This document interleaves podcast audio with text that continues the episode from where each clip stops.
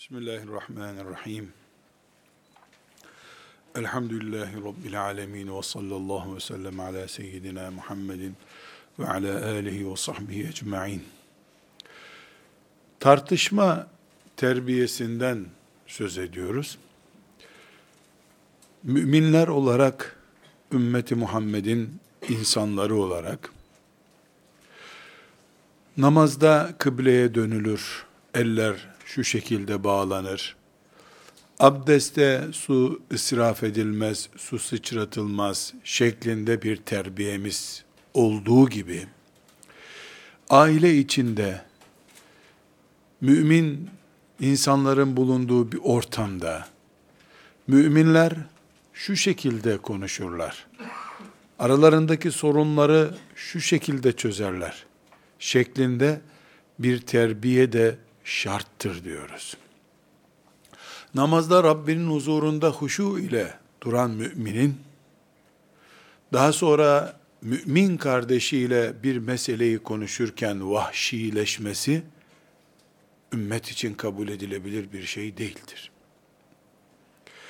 Kafire karşı nezaketini koruyan, ona İslam'ı tebliğ edeceğim diye söylenmesi hak sözleri söylememeyi nezaket kabul eden birisinin mümin bir kardeşine karşı baltayla ormana girmiş bir insan gibi davranması ümmeti Muhammed düzeyini düşürür. Bu kabul edemeyeceğimiz, hatta şiddetle reddedeceğimiz bir hastalıktır. Bir kültürümüz, tartışma kültürümüz, terbiyemiz kesinlikle vardır. Yani olmalıdır derken sanki yoktu da bugünden itibaren konacakmış gibi anlaşılıyor öyle değil. Ashab-ı kiramı gördük biz. Allah onlardan razı olsun. En ağır meseleleri aralarında konuştular, tartıştılar.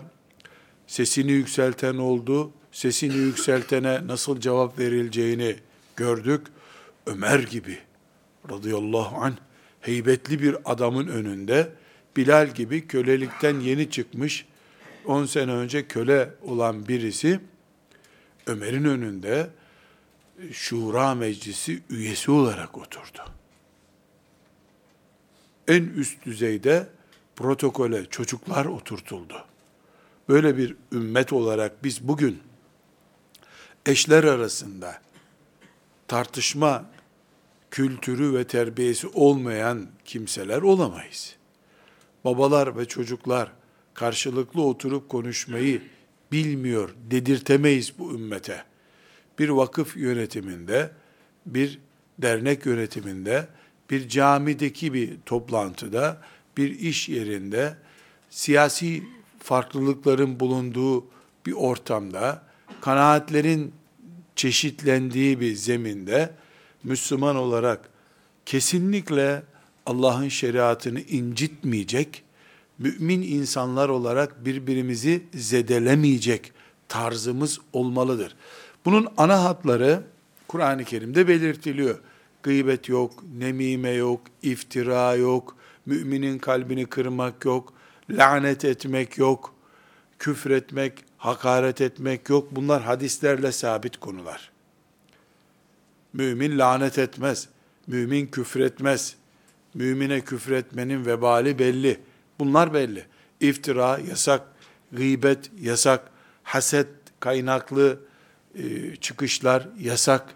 Bunlar belli ama bir de bu zamanda 2000'li yıllar ve sosyal medya diye herkesin birbirinin özel mahremine anında saniyeler içinde muttali olabileceği bir dünyada yaşıyoruz.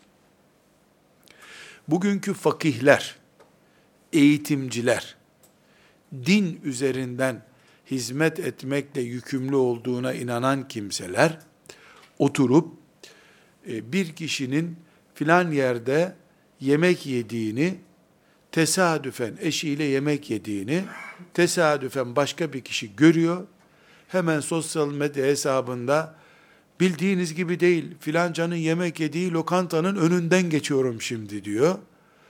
Onu da yüz bin kişi sosyal medyadan izliyor. O 100 bin kişinin her birini 5 bin 10 bin kişi izliyor. Adamcağız kaşığını sofradan kaldırıp hesabı getirir misin kardeşim diye lokantacıya sormadan bir milyon insan onun orada köfte yediğini biliyor. Bir de camın kenarından gizlice fotoğrafını çekip sosyal medyaya koyduysa adamın köfteler midesine inmeden insanların kulağına ve gözüne giriyor. O köfteler değişik bir dünya oldu. Herhalde İhya Ulumuddin'in yazarı İmam Gazali dirilse, sosyal medya diye bir şey görse, kütüphanelerdeki bütün ihyasını toplayıp yaktırırdı herhalde. Bu kitap bu işe yaramaz diye.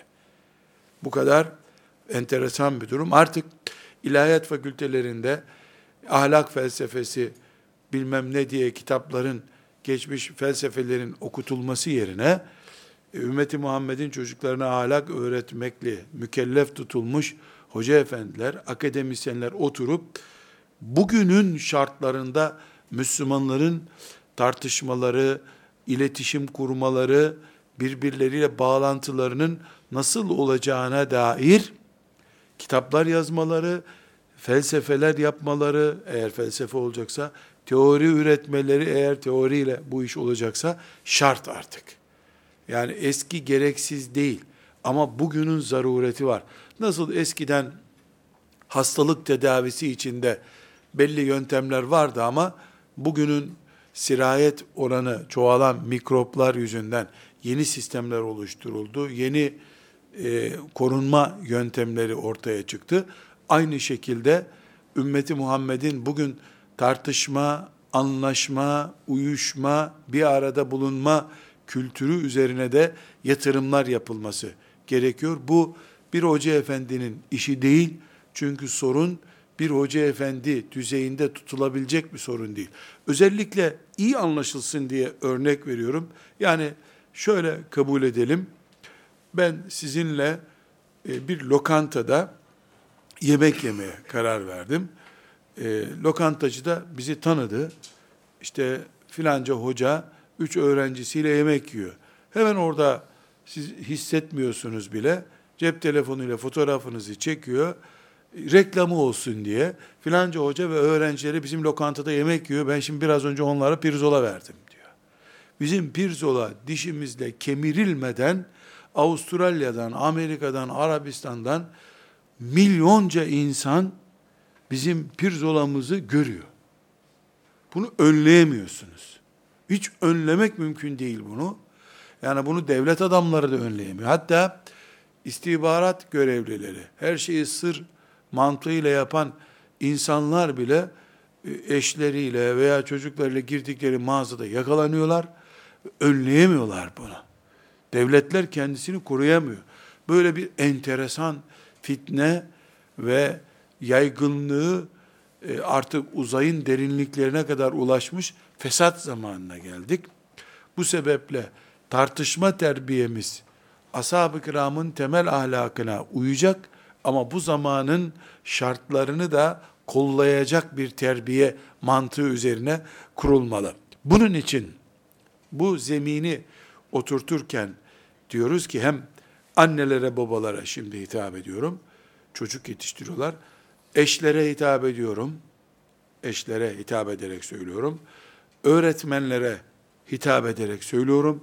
Hoca efendilere camilerde, imam efendiler, müezzin efendilere hitap ederek söylüyorum. Bugünkü sivil toplum eğitimini büyük oranda temsil eden vakıflarda, derneklerdeki görevli hizmet erbabına özellikle söylüyorum, kendime söylüyorum, ilim meraklısı herkese söylüyorum. Bugün iyiyi ve kötüyü tanıma zamanında değiliz artık. Alkolü biliyor bu adam. Namazı tanıyor. Bu eğitim düzeyinde değiliz artık. Bir insan Allah'ın farzlarını çok iyi biliyor. Haramlarını iyi biliyor. Yeter değil bu. Biz iki iyinin daha iyi olanını bilme zamanına geldik. Ekstradan bilgi fazlalığına ihtiyacımız var. Yukarıda saydığım gerekçelerden dolayı. Bir insanın lokantada yediği köftenin midesine inmeden milyonlarca insanın o yediği köfteyi bileceği bir zamanda kötü nedir diye bilmek yeterli değil artık. Kötüler arasında en kötüyü, daha az kötüyü bile bilmeye mecbur olduğumuz bir zamandayız. Artık alim,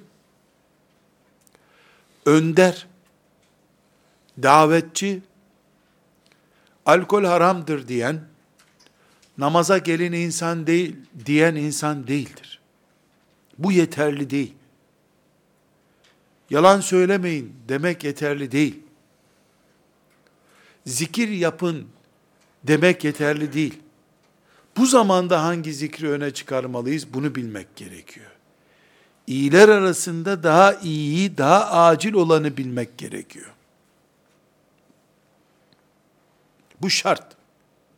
Eğer bu ayrımı yapamazsak biz, hocalar olarak, anneler, babalar olarak, vakıflarda görevliler olarak, öğretmenler, muallimler olarak, bu ayrımı yapamazsak, yani iyinin daha iyisini seçme, kötüler arasında bir sıralama yapma kabiliyetimiz olmazsa, 10 sene uğraştığımız, yetiştirmek için çırpındığımız çocuğumuza daha iyisini vermemiz mümkünken, esasen iyi vermişizdir ama o iyi geçerli bir iyi değildir. Bunu şöyle anlayabilirsiniz. Kış günü her yerin donma durumunda çok iyi bir terlik hediye etmenizin, sokak terliği hediye etmenizin iyilik kapasitesi düşüktür. Çünkü bir terlik yaz günü giyiliyor. Kış günü iyilik olmasına iyiliktir, kış için iyi değildir. Bir delikanlıya kış günü giyilecek botu Ağustos ayında vermeniz de iyinin iyisi değildir. İyidir sadece. Bunu ilimde de uygulayacağız. Çok basit bir örnek. Yeni namaz öğrenecek birisine teravih namazının nasıl kılınacağını öğreterek başlarsanız hem uzaklaştırırsınız hem sabah namazı kılmadığı için bu adam o gün ölse henüz sabah namazını bilmediği için azapla gidecek ahirete. Teravih namazını kılmasa da olurdu. Evet teravih mübarek, değerli Ramazan'da. 11 ay gerekli bir ibadet değil. Sabah namazından başlamalı. Önce abdestten değil, taharetten başlamalı. Taharet olmayanın abdesti olmuyor. Önce abdestten başlamalı, namazdan değil.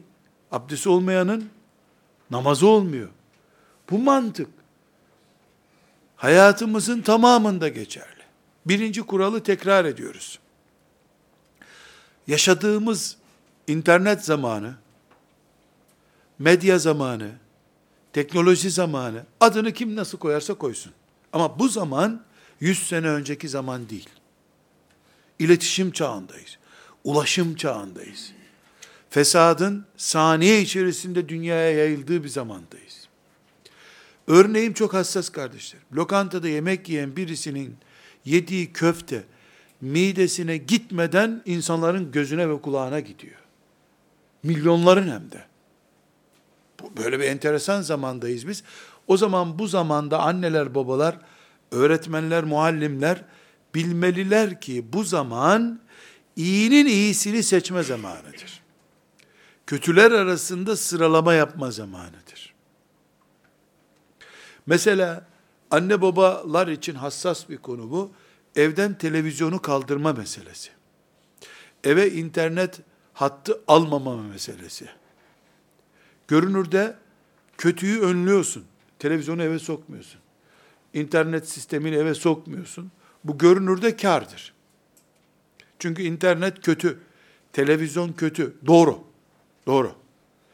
İnternetsiz ortamın oluşturduğu kötülükler de var ama. Televizyonsuz olmanın oluşturduğu kötülükler de var. Bir çocuğun evde televizyon seyrederken elde edeceği kötülük oranını tespit edelim. İşte bin kötülükten 700'üne bulaşıyor diyelim televizyonda. Bu 700'üne, 700 kötülüğe ağırlık puanı verelim. Müstehcenlik görüyor, alkole alışıyor, dizi filmlerin oluşturduğu ahlaksızlığa alışıyor. Bunlara bir tonaj belirleyelim. Sonra da sonra da televizyonsuzluğun oluşturduğu evde televizyonun olmaması halinde oluşturduğu tehlikelere işaret edelim. Bu tehlikeler çocuk 3 yaşındayken farklı, 5 yaşındayken farklı, 10 yaşındayken farklı, 15 yaşındayken farklı. 15 yaşında çocuğun televizyon olmadığı için evde karşılaşacağı risk bir ağırlığı var. 3 yaşında çocuğun evde televizyon olmadığı için e, karşılaşacağı riskin ağırlığı var. 3 yaşında çocuğun oyalandırılması, evde tutulması, gözünün dışarıda olmaması gibi gerekçeler e, mesela 100 diyelim. Ama 15 yaşında okula giden bir çocuğun evinde televizyon olmaması ile karşılaşacağı risk 100 bin o zaman. Müslümanlar olarak bugün biz iyinin daha iyisini arıyoruz. Aramaya mecburuz. Hoca efendiler bunun eğitimini vermeliler bize. Kötünün de ağırlığını hissederek çalışma yapmaya mecburuz. Hoca efendiler bunları iyi tespit etmediler. Bu şahıstan şahısa değişiyor. Aileden aileye değişiyor. Vakıf ortamından diğer vakıf ortamına göre değişiyor. Ne konuşuyoruz? Tartışma terbiyemiz ve kültürümüz olması gerekir diyoruz.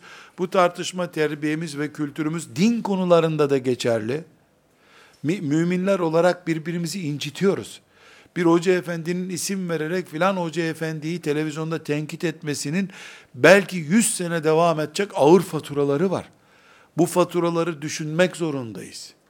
Evet o o hocanın anlatımına göre öbür hocanın hatası çok ağır. Çok ağır. O ağırlıkla o kötü dediğimiz ağırlıkla bizim onun televizyonda medya üzerinde lanetleyerek ismini zikretmemizin oluşturacağı ağırlığı hesap eden insan alimdir. Eğer bu hesabı yapmadan filanca şu gözlüğü kullanıyor, bu gözlüğü kullananın hükmü de şudur, o da lanetlidir dersek, o insanın etrafında oluşacak kitlelerden tutalım, o yaptığında ayıp dediğimiz, günah dediğimiz şeyin daha kökleşmiş olmasından oluşacak tehlikelerin hepsini tartacağız. Ondan sonra bir ümmetimiz adına sonuç çıkaracağız.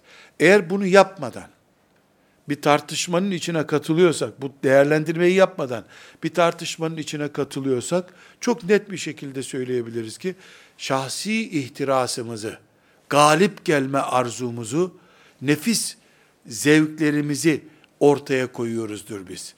Bunu ümmetimiz adına yapıyor diye bir kılıf bulabiliriz ama ümmetimiz adına diye kendimiz yapıyoruz bunu. Kendi zevklerimizi tatmin etmeye çalışıyoruz. Bu vebaldir. Bu vebaldir. Ümmetimize zarar veriyor. Gelecek nesillerin düşmanca büyümelerine katkı getiriyor ve aynı zamanda ümmetimizin sorunlarının büyüme nedeni oluyor. Biz e, Suriye'deki Müslüman kardeşlerimizin Irak'taki Müslüman kardeşlerimizin işte aralarındaki sıkıntıları konuşurken aynı aile içerisinde mini Suriyeler ve Iraklar yaşadığımızı hissedemiyoruz. Suriye 20 milyonluk bir ülke. 20 milyon ülkede 20 grup birbiriyle savaşıyor. E siz 6 kişilik bir ailesiniz, 3 grupsunuz o evde. Siz de büyüseniz, siz de 6 büyük grup halinde savaşacaksınız demektir. Yani dışarıdaki büyük olayları görüp de küçük olayları görmemek, trafik kazasında ezilip ölen bir insanı görüp kanser mikrobu bünyesinde bulunduğu halde onu göremediği için o da ölüp giden iki insan arasında bağlantı kuramamaktır bu. Ümmetimiz büyük bir ümmettir. Bu kültürü önceden hazırlayacak kapasitesi olan bir ümmettir. Dolayısıyla alimler ahlak felsefesi diye bir felsefe filanca zamanda ahlak diye bir ahlak kültürünü böyle nakart edecek yerde ahlaka bugünün zorunlu şartlarını da oturmak oturtmak zorundadırlar. Bunun için diyoruz ki bugünkü alim, bugünkü baba, bugünkü öğretmen, bugünkü vakıf görevlisi iyi bilen değil, iyiler arasında iyi tercih yapabilen birisidir. Kötüleri tanıyan değil, kötüler arasında ağırlık oranı tartabilen birisidir. Bu kesin. İkincisi, İmam Şatibi'nin usulü fıkıh alemi, İmam Şatibi'nin çok ciddi bir tespitle ortaya koyduğu bir gerçek var. Bu hepimiz için çok önemli ve hakikaten ufuk açan bir mesaj. Diyor ki Allah rahmet eylesin. Bu dünya hiçbir şekilde her şeyiyle iyi olan bir iyinin olmadığı dünyadır. Aynı şekilde olduğu gibi kötü olan bir şey de yoktur bu dünyada. Kötünün içinde de çok incelendiğinde iyi olan taraf olabilir diyor. Her şeyin yüzde yüz iyi olduğu yer cennettir. Her şeyin yüzde yüz kötü olduğu yerde cehennemdir. Eğer bu dünyada ateş mesela ve mesela soğuk bütün zararına rağmen ateş bütün yakıcılığına rağmen bu dünyada yüzde yüz kötüdür diyebilirsek, yani ateşte hiç yarar yok, soğukta hiç yarar yok dersek, Allah'ın cehennemle tehdidinin anlamı kalmaz diyor. Eğer bir insanın yaşadığı müreffeh hayat veya zevku sefası yüzde yüz güzeldir, hiçbir arızası yok, defosu yok, tortusu yok dersek, cennetle müjdelemenin anlamı kalmaz o zaman diyor. Onun için mümin eğitimci, mümin anne baba, bir konuda tartışan birisi, çünkü biz tartışma terbiyesi açısından buna bakıyoruz. Şunu bilecek, bu dünya karışımın olduğu bir dünyadır. Saf iyilik yok bu dünyada, saf kötülük yok. Onun için bakın, Şatibi'nin örneği bu. Rahmetullahi aleyh. Diyor ki Allah kumarı ve alkolü tanıtırken Kur'an-ı Kerim'de ki alkol bela. Efendimiz sallallahu aleyhi ve sellem alkol için ne buyuruyor? Kötülüklerin anası diyor. Sonra kumar çökerten bir hastalık. Ama ayet nasıl tanıtıyor? Fihima ismun kebirun bu alkolde ve kumarda büyük bir günah var. Ve menafi'u linnâsi. İnsanlar için bazı menfaatler de var ama. Allahu Ekber. Allahu Ekber. Kur'an'ın azameti bu. Hastanede alkol kullanılıyor. İlaç olarak kullanılıyor dezenfekte malzemesi olarak kullanılıyor. Ve menafi'u linnas. İnsanların faydalanacağı şeyler de var. Ve ismuhuma ekberu min nef'ihima. Ama oluşturdukları günahları, kötülükleri fayda denen şeyden çok daha fazladır. Ayetteki azamet bu. Alkol ve kumarı bile Allah Teala bize tanıtırken ve menafi'u linnas. İnsanların faydalanacağı şeyler de vardır bunda diyor. Bu faydalanacak şeyler yüzde bir. Yüzde birden dolayı da helal olmuyor bu. Belki on binde bir. Ondan dolayı da helal olacak hali yok. Ağırlık olarak hep suç çünkü. Hep günah çünkü. Ağırlık olarak.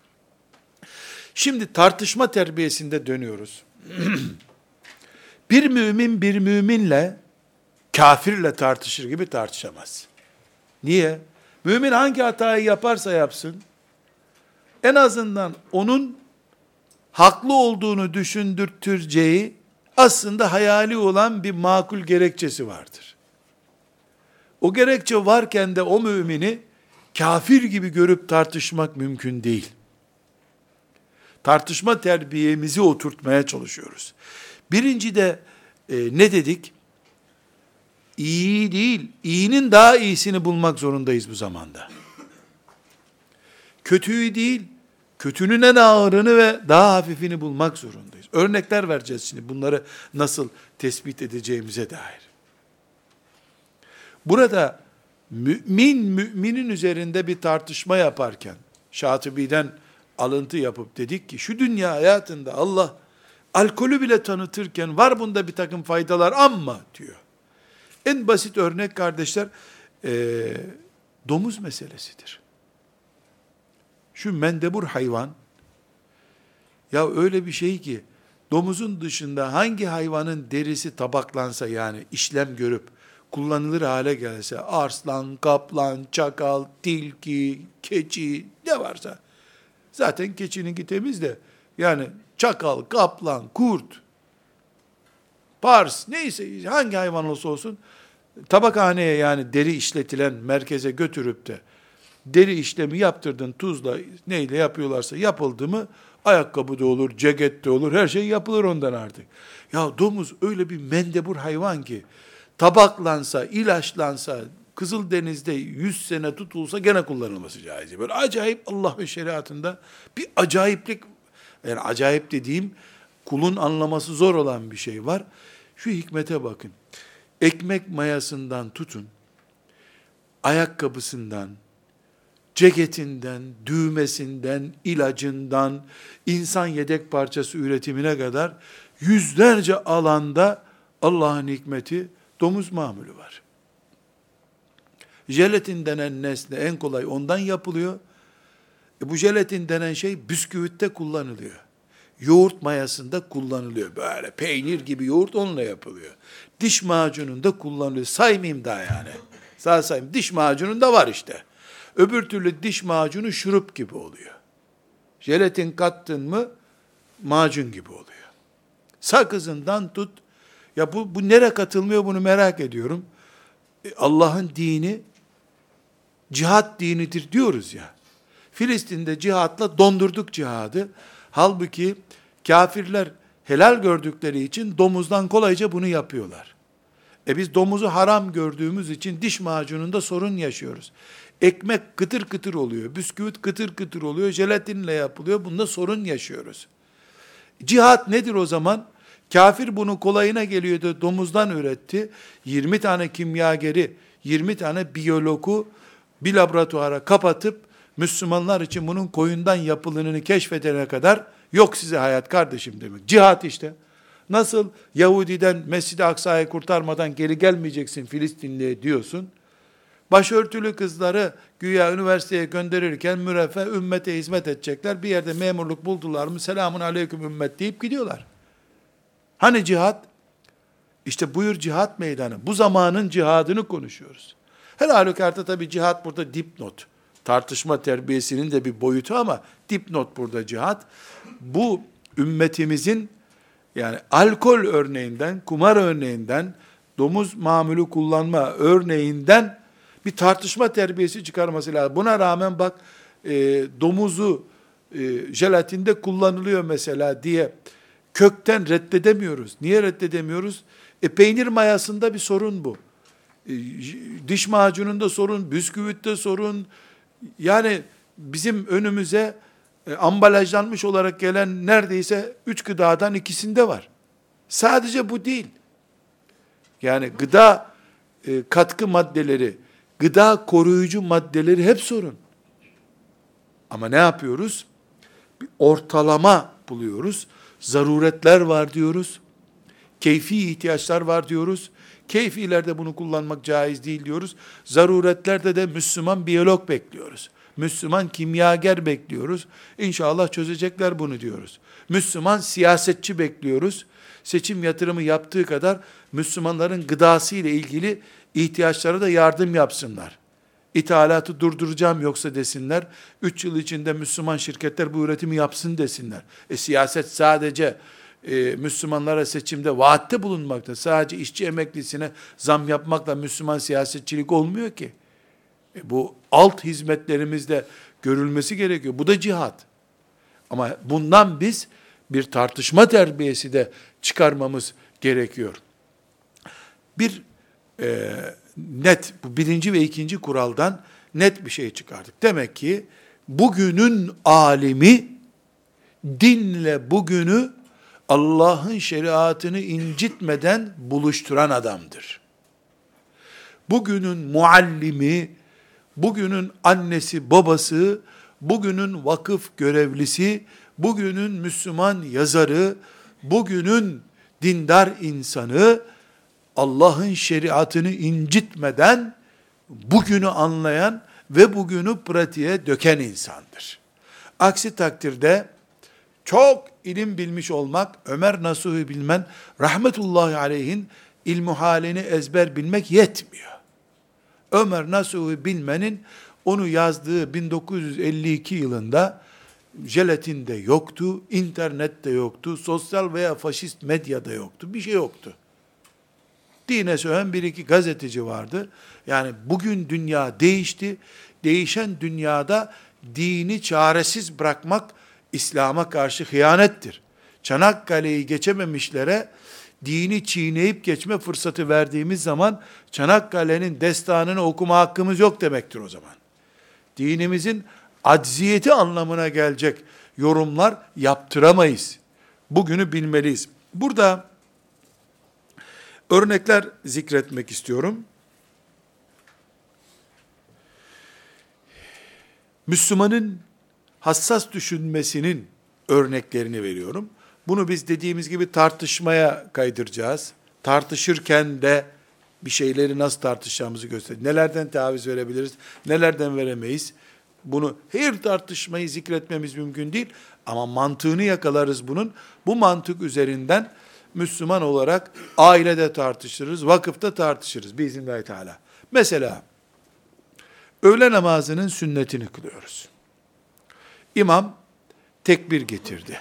Allahu Ekber dedi. Biz öğle namazının sünnetindeyiz. Peygamber aleyhisselam efendimizin kaçırmayın dediği bir sünnet. İftitah tekbirine imamla başlamakta peygamber emri. O da sünnet. İkisi aynı değil ama. Neden aynı değil? Bir, imamı kaçırdın mı tekrarı yok. O sünneti bıraksan farzdan sonra tekrar sünneti kılabiliyorsun. Bir. İki. Öğle namazının sünneti hasbel kader bir örnek veriyorum. Yoksa haşa böyle bir şey yok. 80 puanlık bir emirse Peygamber Efendimiz'den sünnet olarak imamla namazı kılmak 90'lık bir emir. Başladığımı bitirmem ben. Peygamberin sünneti bu. O sünneti kılıyor. İmam farzı bitirmiş. Selam vermiş. Bu mümin karda değil. Çocuk eğitiminde de ölçüler böyle. Vakıf idaresinde de ölçüler böyle. Müslüman olarak bir yerde müdür olduğum zaman, siyasi bir görevde olduğum zaman da ölçülerimiz böyle bizim. Peygamber emri ama iki emir arasında ağır farklar var. İkinci örnek, abdeste kolları üç defa yıkamak. Yüzü üç defa yıkamak önemli bir sünnettir. Ama bunun biri farzdır, ikincisi, üçüncüsü sünnettir. Bir örnek zikredeceğim. Ebu Gudde rahmetullahi aleyh Abdülfettah Ebu Gudde hocamla e, Süleymaniye Camii'ni ziyarete gittik. Daha doğrusu Süleymaniye Kütüphanesi'ne gittik. Namazı burada kılalım Nurattin dedi. Tamam hocam dedim. E, abdese gittik. Tuvalet ihtiyacı için çıktı. Ezan bir yarım saat vardı ama hoca efendinin abdesti çok uzun sürdü. Tuvalet ihtiyacı uzun sürdü. Sonra caminin bahçesindeki şadırvanlarda, abdestliklerde abdest almak istedi. E, çorabını çıkardık, işte abdest aldı. O arada ezan okunmaya başlandı. Ezan okununca baktım yüzünü bir defa yıkadı, kollarını da bir defa yıkadı, mesetti. Ben de hem cübbesini tutuyorum, cübbesi ve sarığı bende, hem de böyle dikkatli bakıyorum, kaldırdı kafasını, Cemaat, ikinci ve üçüncü yıkamadan daha büyük sünnet. Dedi, başını mesetti, ayaklarını yıkadı, camiye gittik. Camiye giderken, işte Süleymaniye'nin dış bahçesinden içeri giderken hakikaten farza anca yetiştik. onun çorabını giymesi, cemaate yetişmesi. Namazdan sonra dedi ki, biz ben abdeste iki ve üçüncü yıkamaları yapsaydım, iftidat tekbirine yetişemeyecektik biz dedi. On defa da yıkasak, iftidat tekbiri kadar sevap alamazdık dedi. Bu basiret, mümin basireti. Çocuğumu eğitirken, hangi okulda okuması gerektiğinden, hangi kitabı önce okuması gerektiğinden, ilmuhalin neresinden başlamayı gerektiğinden, tefsir dersinin gerekliliğinden, meal mi okuyalımdan, hepsine varıncaya kadar Müslümanın hayatında bu taktik olmalı. Aksi takdirde, aksi takdirde, Müslüman kazanırken zarar eder. Halbuki biz kazancı kâra dönüştürmemiz gerekiyor. Ne dedik? İyiyi tanımak yetmiyor. İyiden iyiyi seçmek gerekiyor. Kötüden korunmak yetmiyor. Kötünün sıralamasını bilmek gerekiyor. Üçüncü bir örnek, Müslümanın birisine 100 lira borcu var. Borcunu illa getir diye de sıkıştırmıyor alacaklı. Sonra Müslüman duydu ki yardım kampanyası var. Filanca yerde işte filan yere yardım yapılıyor. Camiye yardım yapılıyor. Müslüman ne yapmalı? Önce borcunu ödemeli. E, camiye yardım toplanıyor. Suriyelilere yardım toplanıyordu. Hayır. Bu sadaka. Öbürü borç. Hiçbir şekilde Efendimiz sallallahu aleyhi ve sellem bu sadaka vermezdi. Bunun cenazesini kılmıyorum buyurmadı. Ama bunun borcu var, borcu ödenmedikçe cenazesini kılmıyorum dedi. Ne yapacaksınız? Yapın arkadaşınızın cenazesine. Borcu var bunun dedi. Kalktı sahabi ne dedi? Ben o borcu öderim ya Resulallah yeter ki kıl buradan gitme dedi. Bir cenazenin başından Peygamber aleyhisselam ben namazını kılmıyorum diye giderdi. O adam bir daha cennete girebilir mi? Sahabi acıdı ona, ödedi borcunu, cennete gitti. Müslüman basiretli insandır. E sıkıştırmıyor beni. Sıkıştırmıyor yok öyle bir şey. Sıkıştırmıyor ama Allah onu hak olarak görüyor. Borcu olan sadaka veremez. Evet, borcunu yüze katlayacak sermayesi var. Zevkine yatırım yapıyor. Ayrı bir konu ama sabit ücretli birisi borcu varken sadakaya muhatap olmamalı. Çocuklarının rızkında bir rahatlama yapamıyor, arkadaş çağırıyor evine. Olmaz. E sahabi çocuklarını aç bırakmış, e, de Müslüman kardeşlerini doyurmuş. O hikayeyi vazgeçsen. Neden biliyor musun? O sahabi çocuğunu önce Allah ve Resulüne satmıştı zaten. O çocuğun ölünden yemeği alınınca da Resulullah'ın adamına verildi diye çocuk da mutlu oluyordu. Senin çocuğun 7 yaşında süper kapitalist, liberal kafalı bir çocuk. Ben derken çocuk ciğeri diline geliyor neredeyse. Dolayısıyla senin evde çocuklarından kısıp misafire arkadaşlarına yemek yedirmen edebiyat. Sahabeninki realiteydi. Allah onlardan razı olsun. Çocuklarını poşete koyup peygambere getirdiler adeta. Senin olsun bu çocuk ya Resulullah dediler. Seninkinin 8 yaşına geldi hala sünneti yapılamamış. Acımasın çocuk diye hala sünnetini yaptıramıyorsun. O çocuğun önünden simit alınır da misafire verilir mi? Demek ki bir tercih meselesi var. Bu da bir tartışma konusu işte. Bir başka örnek mesela, kadın hoca hanım olmak istiyor. Elbette hakkı hoca hanım olsun. Niye olmasın ki? Kadın Allah'a davet etmek istiyor. Elbette edecek. Kadın cihad etmek istiyor. Elbette edecek. Allah'ın emri bu. Kadınlara erkeklerin tanıdığı bir lüks fırsat değil ki bu. Ama kadının hoca hanımlığı, davetçiliği, kitap okuması, filan toplantıya gitmesi, filan yerde hizmete katılması, filan derneğe katılması, filan camideki sohbetlere katılması, filan tarikatın zikrine katılması, virtlerini yapması, kocalığını ve kadınlığını ailede karşı karşıya getiren bir tartışma konusu oluyor. Adam geliyor, ya bu ev soğuk bugün, e ben dersteydim yeni geldim, yakmadım, kaloriferi açmadım diyor. Adam eve geliyor, evde kadın yok. Ne oldu? Adam ferahat edip, ben bu evde donayım, sen yeter ki hadis dersine git. Sen yeter ki üç Müslümana ders okut, üç kadına sen tesettürü anlat, 20 senede bu evde ben donayım diyor. Allah razı olsun. Hay Allah senden razı olsun. Çift cihat yapıyor o adam. Hem kendi mümin hem eşinin sevabını kazanıyor. Ama adam pipirik. Ben burada aç kaldım. Ben burada şöyle oldum diye mazeret çıkarıyor. Kadın ben Kur'an kursunda hocalık yapıyorum diyemez artık. Bitti. Neden? Çünkü Allahu Teala ona demişti ki nikahlandıktan sonra baban ve annenin bile senin üzerinde hakkı kalmadı artık. Demişti. Halbuki anne ve baba Allah'tan sonraki en büyük hak sahibiydi. Nikah o hakkı bile başka bir yere taşıdı. Kocaya taşıdı. Ayşe anamıza sorulduğunda ne cevap veriyor? Bir kadının velisi kimdir diyor. Nikahlanana kadar babası. Nikahlanınca kocası. Şimdi burada kadın ne yaptı? İyilerden iyiyi tercih etmek zorunda kalacak. Dönecek. Eşinden dolayı gerekiyorsa tarikat dersine, gerekiyorsa vaaz sohbete gitmeyecek.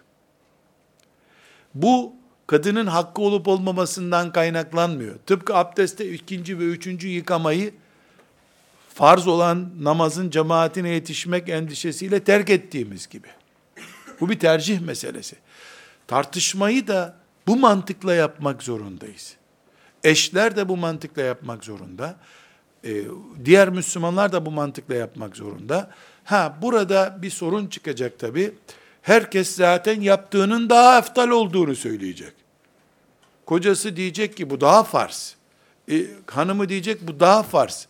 Vakıfta herkes ne konuştuysa zaten muhteşem bir farz onunki. Hiç kimse kendisininkini nafile karşısındakini farz görmüyorsa eğer e, bu bir şeyde tartıştığınız zaman onu Allah'a ve Resulüne havale edin diyen ayetle karşımıza çıkıyor. Farudduhu ilallahi ve Resul. Onu Allah'a ve Resulüne havale edin. Müminseniz eğer tabi. E peki nasıl havale edeceğiz? İlim adamlarına şeriatın bu konudaki farz, vacip ayarı nedir diyeceğiz. Diyecek ki şudur, budur, teslim olacağız. Müminsek tabi. Bir başka örnek kardeşler, e, tartışma terbiyemiz olması gerekir diyoruz. Bu tartışma terbiyemizin oluşması için de bu tartışma terbiyemizin oluşması için de Müslüman olarak bizim tercihler yapmamız gerekiyor. Bu tercihimiz iyi ile kötü arasında değil. O zamanı geçtik. Herkes alkolün kötü olduğunu biliyor. Boşamanın kötü olduğunu herkes biliyor. Daha iyi ve daha kötü diye tercih kapasitemiz olması lazım. Buna örnekler vermeye çalışıyorum. Dolaylı örneklerle bunu dolduruyorum. Tartışmada da biz kendi mantığımızı buna kuracağız. Buhari'de 2890 numaralı, Müslim'de de 1119 numaralı bir hadis-i şerif var arkadaşlar. Efendimiz sallallahu aleyhi ve sellem bir Ramazan gününde cihada çıkıyorlar. Özet olarak geniş anlatayım. Hadisin aslını siz verdiğim e, kaynak Buhari ve Müslim'den bulabilirsiniz. Çok meşhur bir olay ama dikkatten kaçan bir olay. Çok meşhur bir olay, dikkatten kaçan bir olay. Şimdi Efendimiz sallallahu aleyhi ve sellem e, oruçlu ashabı izin veriyor. Biz seferiyiz, e, cihada çıkıyoruz, orucu açabiliriz diyor. Hatta başka rivayetlerle de toplayalım. Efendimizin bunu örneklediği de vardır. Bir tas su alıyor, bir taşın üstüne çıkıyor, herkesin göreceği bir yerde onu içiyor. Ashab-ı kiram Efendimiz sallallahu aleyhi ve sellemin bu yaptığının bir ruhsat olduğunu, yani acıkan, susuz kalan orucunu bozabilir diye bir ruhsat olduğunu anlıyor. Bir kısmı. Bir kısmı da Ne ruhsat ne bir şey. Peygamber tasla su içti. Getirin suyu diye içiyor. İkisinde de ittiba hasreti var tabi. Yani ashab-ı kiramda oruç açanlar oluyor. Orucunu açmayanlar oluyor. İkisininki de ittiba yani Peygamber aleyhisselama ve şeriata uyma arzusundan kaynaklı. Biri adeta ne yaparsa yapsın. Ben de yaparım diyor. Orucunu açıyor. Öbürü de izin verdi diyor. Emretmedi diyor. E, orucumu ben tutayım buyuruyor. Bir yerde mola vermeleri gerekiyor. Mola verilecek yerde çadır kurulacak. Herkes seferi, herkes yorgun, herkes cihat pozisyonunda. Yani dinlenecekleri yeri, gece istirahat edecekleri yeri kuracaklar. Şimdi oruçlu olanlar çadırları vesaireyi taşıyamıyorlar, pat küt düşüyorlar hep yere. Oruçlular çünkü. Hepsi yere yatıyor. Çok kötü bir sahne oluyor. E, oruçlu olmayanlar da onların da yapacağı yani çünkü 100 kişi çadır kurması gerekiyor. Bunların 60'ı 70'i oruçlu. Onlar yatıyorlar. Bu sefer 100 kişinin yapacağı işi o geri kalan 30 kişi yapıyor, 40 kişi yapıyor. Ya yani bu onlara bir eziyet de oluyor aynı zamanda. E belki de askeri tedribat da yapıyorlar o arada. Oruçlular yatmışlar, böyle kendinden geçmiş. Şekeri mi düştü, tuzu mu düştü bilmiyorum. Düşmüş kendinden, düşmüşler. Öbürleri çok çalışıyorlar. Onların da yükünü kaldırıyorlar. Çok meşhur e, hadisi şerif Arapçasıyla söylüyorum.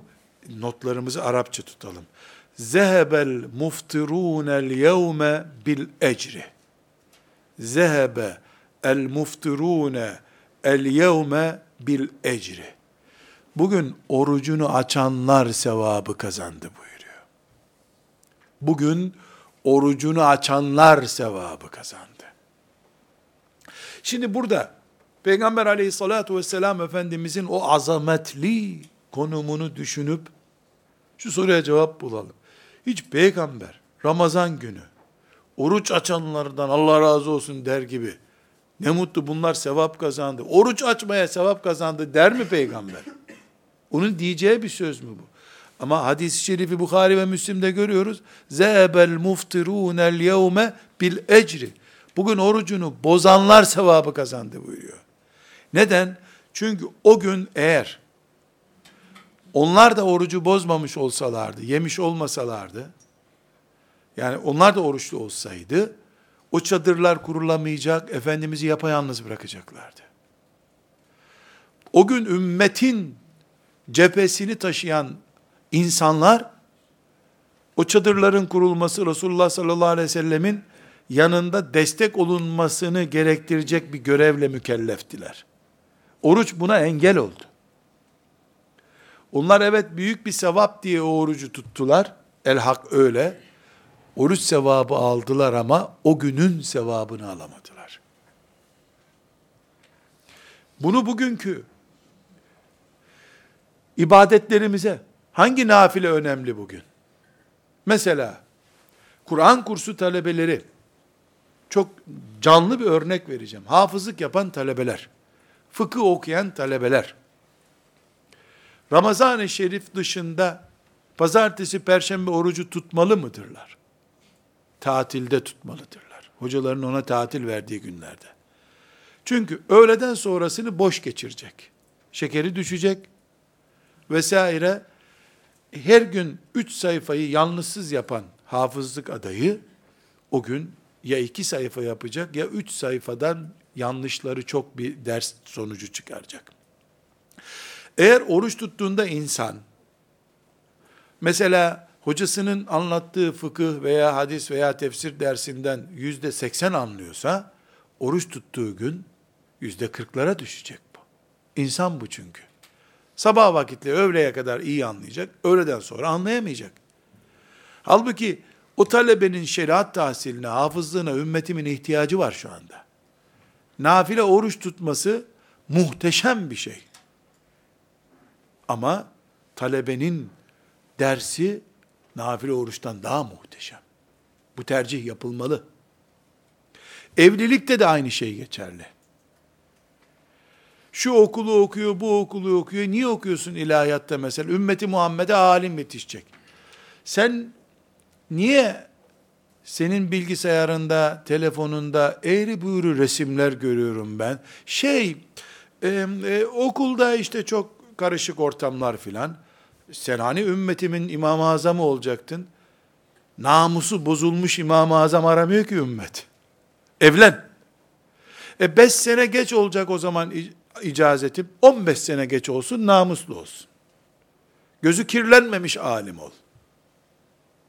Kulağı kirlenmemiş alim ol. Kulağı kirli alimi ne yapacak bu ümmet? Gözü kirli alimden ne hayır görecek bu ümmet? Bu ilahiyat denen tahsilde de böyle, matematik tahsilinde de böyle. Ümmetimizin iffetli insanlara ihtiyacı var. Basiretli insanlara ihtiyacı var. Nereye getirirsek getirelim, ümmet zamanına göre tercih yapmak zorunda Allah'ın şeriatını incitmeden. Cihadı yok saydığın bir anlayışla bunu yaparsan batıl bu senin. Sen casussun o zaman. Şeriatımın en büyük umdesi, değeri olan cihadı yok sayıyorsun. Yanlış. Şöyle yap. Sen cihadın altyapısı olan şu malzemeyi doldurduğun için şimdi o cihada yer vermiyoruz de. O doğrudur. Yani cihadın bugünkü versiyonuyla karşıma çık. Ve bunu da şeriatıma göre ispat et bana. Ayete göre ispat et. Yoksa zevkine göre sen korkuyorsun diye silahlı cihadı haram deme bana. Sen ötleksin diye öyle diyorsun o zaman.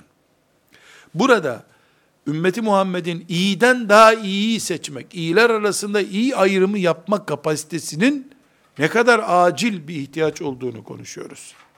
Aynı şekilde kötüler arasında tercihi konuşuyoruz. Bir mümin erkek veya mümin kadın bali olduğu günden itibaren evlenebilir. Allah'ın şeriatı izin veriyor. Bu evliliğin ne zaman yapılması gerektiği bünyeye göre tercih edilmeli. Onun bünyesine göre, şartlara göre tercih edilmeli. Eğer bir genç gözü kulağı açısından risk hissetmiyorsa, biyolojisi aciliyet kesbettirmiyorsa ona 30 yaşında evlensin. 30 yaşına kadar da ümmeti Muhammed'in ilimleriyle meşgul olsun. Cephelerinden bir cephesinde üniversite tahsili yapsın, doktora yapsın, hastalama yapsın, ne yaparsa yapsın, ne yapacaksa yapsın artık yani ümmetimizin ihtiyaçlarını değerlendiremeyenlerin bu ümmetin önder alimleri olmada sıkıntı oluşturduklarını söylemeye çalışıyorum.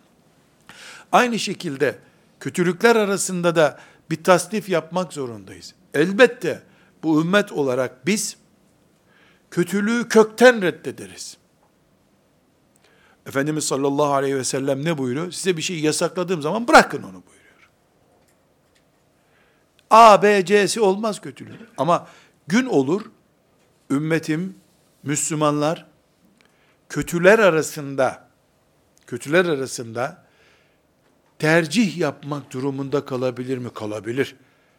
Biraz önce örnek verdik. Domuz mamülü kullanmaya örnek verdik. Alkole örnek verdik. Bu kökten kötü olan bir şeyin zaruretten dolayı kötülüğüne bir nebze kapı açma, müsaade etme, gibi bir durumdur. E Rabbim ne buyurur? Fettekullaha mestata'tum. Tegabun suresinin 16. ayeti. Takatınız kadar Allah'tan korkacaksınız. İntihar edin demiyor ki Allah. Beceremiyorsun, daha fazlası olmuyor. E, Rabbim gafur ve rahimdir. Bakara suresinde hemen hemen her akşam okuduğumuz veya dinlediğimiz e, son ayeti la yükellifullahu nefsen illa vus'aha. Allah kimseye kaldıramayacağı şeyi yüklemiyor. E şeriatımız rahmet şeriatıdır. Elhamdülillah. Rahmet şeriatında mümine zorluk olur mu? Şu var tabi. Çok zor kelimesini herkes kullanıyor. Dayanamıyorum kelimesini herkes kullanıyor. Mümkün değil. Bu sözlerin cevabını nasıl veriyoruz biz? Allah alimun bizatis sudurdur diyor. Göğüslerdeki gerçeği Allah biliyor. Ne kadar zorlandığımızdan, ne kadar utandığımızdan ne kadar keyfimizden, ne kadar da etki altında kaldığımızdan vesaire hepsini Allah biliyor. Gerçekten zorlandım da mı yoksa zorlanmayı mı zorladım ben? Zorlanmayı da zorlamış olabilirim. Bunu müftü bey anlamaz. Hoca efendi anlamaz. Fetva sorduğun alim anlamaz. Bunu Allah anlar. Mesela çok canlı bir misal. Fıkıhta cinnet geçiren birisinin cinnet geçiren birisinin karısını boşaması özürdür, boş sayılmaz diye bir fetva var mı? Var. Evet, bütün alimlerin ittifakı değil. Ama raftan şöyle dosyaları karıştırırsan bir böyle bir fetva bulursun bir yerde. Cinnet geçirecek adam, e, mesela balkondan atlayacak hale gelmiş. Cinnet geçirmek o demek. Atlarken tutulmuş. Alnına silahı taşıyor, dayıyor. Bunun silah olduğunu anlamıyor. Gitmiş, aklı uçmuş o esnada. Bunun boşaması için bir fetva bulunabilir. Boşama olmadı demek için yani. Şimdi gelip müftü efendiye desen ki, fıkıhta cinnet diye bir şey var ya, ben o cinneti geçirirken karımı boşadım. Sana ne diyecektir? Yok bir sakıncası, hadi geçmiş olsun git. Evliliğiniz devam ediyor diyecektir. Halbuki sen cinnetten ne anlıyorsun? Sinirlendim, sigara yaktım yani. O kadar fena sinirlenmiştim. Çok sinirlenmiş, sigara yakmış. O kadar sinirlenmiş ki dövecekmiş kadını neredeyse. Maşallah. Ma iyi ki kurtulmuşsun, erken kurtulmuşsun hani. Bunu müftü bilemez ki. Cinnetin bir tarifi var. Ne demek cinnet? Hayatına kastetecek hale gelmiş. Kendi hayatına kastetecek hale gelmiş. Cinnettir bu. Delirdi yani. E delinin de hükmü belli. Sen o kadar sinirlenmişsin ki az kalsın dövecekmiş kadını yani. Maşallah ne kadar sinirlenmiş. E sen kalkar bu cigara içecek kadar sinirlenmiş halini cinnet geçirdim diye anlatırsan, e, hoca da sana yok boşamadın karını, boşama sayılmaz derse, zina ile devam edersin kadınla ilişkine. Bu zinanın sorumlusu hoca değil ki. Alim değil, senin anlatımın. Kendini aldatmış olursun. Şimdi şeriatımız zorluklara izin veriyor. Yani bugün ekmek konusunda mesela şöyle kılı kırk yarsak, fıkha göre ekmek yememek gerekiyor. Ekmekte çok korkunç katkı maddeleri var çünkü. Buğday, un ve tuzla pişmiyor ekmekler. Buğday, un ve tuz değil. Silolarda saklanmasından, hatta buğdayın üretim esnasındaki zehirlenme gerektirecek ilaç katkısından, sonra ekmek çok şişsin, büyük görünsün, gramajı az olduğu halde diye yapılan katkılardan, üstü böyle parlak olsun katkısından, e, gıtır gıtır kabuğu olsun katkısından, yani ekmekte buğdaydan başka her şey var. Denecek kadar katkı var. Bunu fıkıh olarak incelediğin zaman ekmek haram demek gerekecek. Ne yapıyor fukaha? Bu belvai umumidir diyor. 80 milyona yetecek ekmek üretilemez başka türlü diyor. Üretilemiyor diyor. Bu, bu ne kadar hakkaniyete uygundur ayrı bir mesele. Ha bu böyle ise ekmeği karıştırmayalım şimdi. Bir zaruret bu. Bu zaruretin hakkaniyeti üreticisinden fetvasını verene kadar yarın Allah'ın huzurunda hesabı sorulacak tabi. Ama halk masumdur bu işte. Bir zaruret örneği veriyoruz.